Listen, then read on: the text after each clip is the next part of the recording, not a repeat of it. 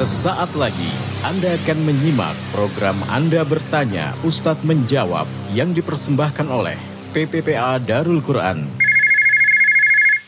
Assalamualaikum Ustadz, saya mau bertanya apakah orang yang sudah membayar fidyah diwajibkan membayar puasa yang sudah ditinggalkan?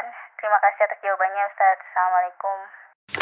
Waalaikumsalam warahmatullahi wabarakatuh. Orang yang dibolehkan meninggalkan puasa alasannya bermacam-macam.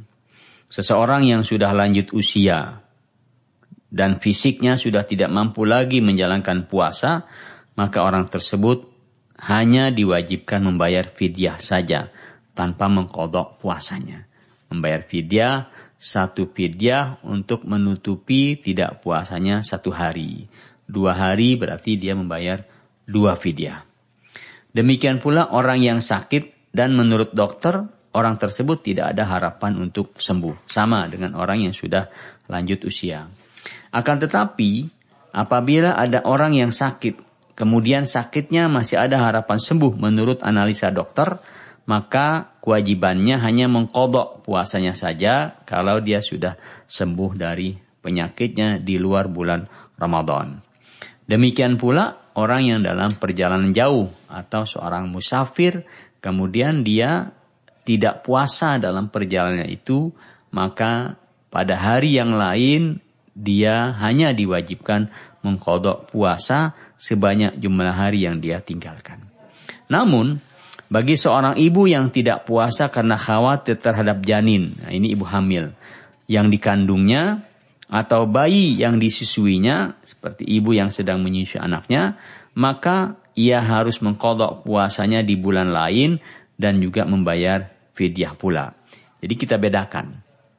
Ibu yang sedang hamil atau yang sedang menyusui, kemudian dia melihat kondisi janinnya atau kondisi bayinya tidak memungkinkan ibunya untuk puasa karena janinnya akan terganggu kesehatannya atau anaknya yang sedang menyusui itu juga terganggu, maka dia dibolehkan tidak puasa. Hanya kewajibannya dua, yaitu mengkodok puasa sebanyak hari yang ditinggalkan dan membayar fidyah sebanyak satu fidyah untuk satu hari. Jadi kalau dia tidak puasa satu bulan berarti dia mengeluarkan sebanyak 30 fidyah. Akan tetapi seorang ibu yang hamil atau sedang menyusui kemudian tidak puasa tapi karena khawatir terhadap dirinya sendiri ya, jadi ini beda dengan yang tadi, yang yang lebih dulu. Yang kedua ini wanita hamil atau ibu yang sedang menyusui, kemudian dia tidak puasa karena khawatir terhadap kesehatan dirinya, bukan kesehatan anaknya, maka dalam hal ini dia hanya diwajibkan mengkodok puasanya saja tanpa diwajibkan membayar fidyah. Apa ukuran fidyahnya atau berapa banyak fidyah tersebut.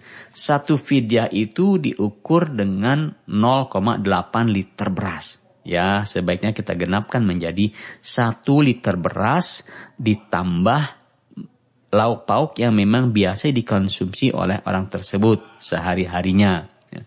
Satu fidyah diberikan lauk pauk, kemudian diberikan kepada satu fakir miskin. Berarti kalau umpama dia tidak puasa satu bulan atau 30 hari, maka dia wajib mengeluarkan 30 fidyah yang diberikan kepada 30 fakir miskin masing-masing satu fidyah di samping dia mengkodok puasanya di bulan lain. Demikian jawaban saya. Saya Haji Ahmad Kosasi dari PPP Adalah Quran. Wassalamualaikum warahmatullahi wabarakatuh.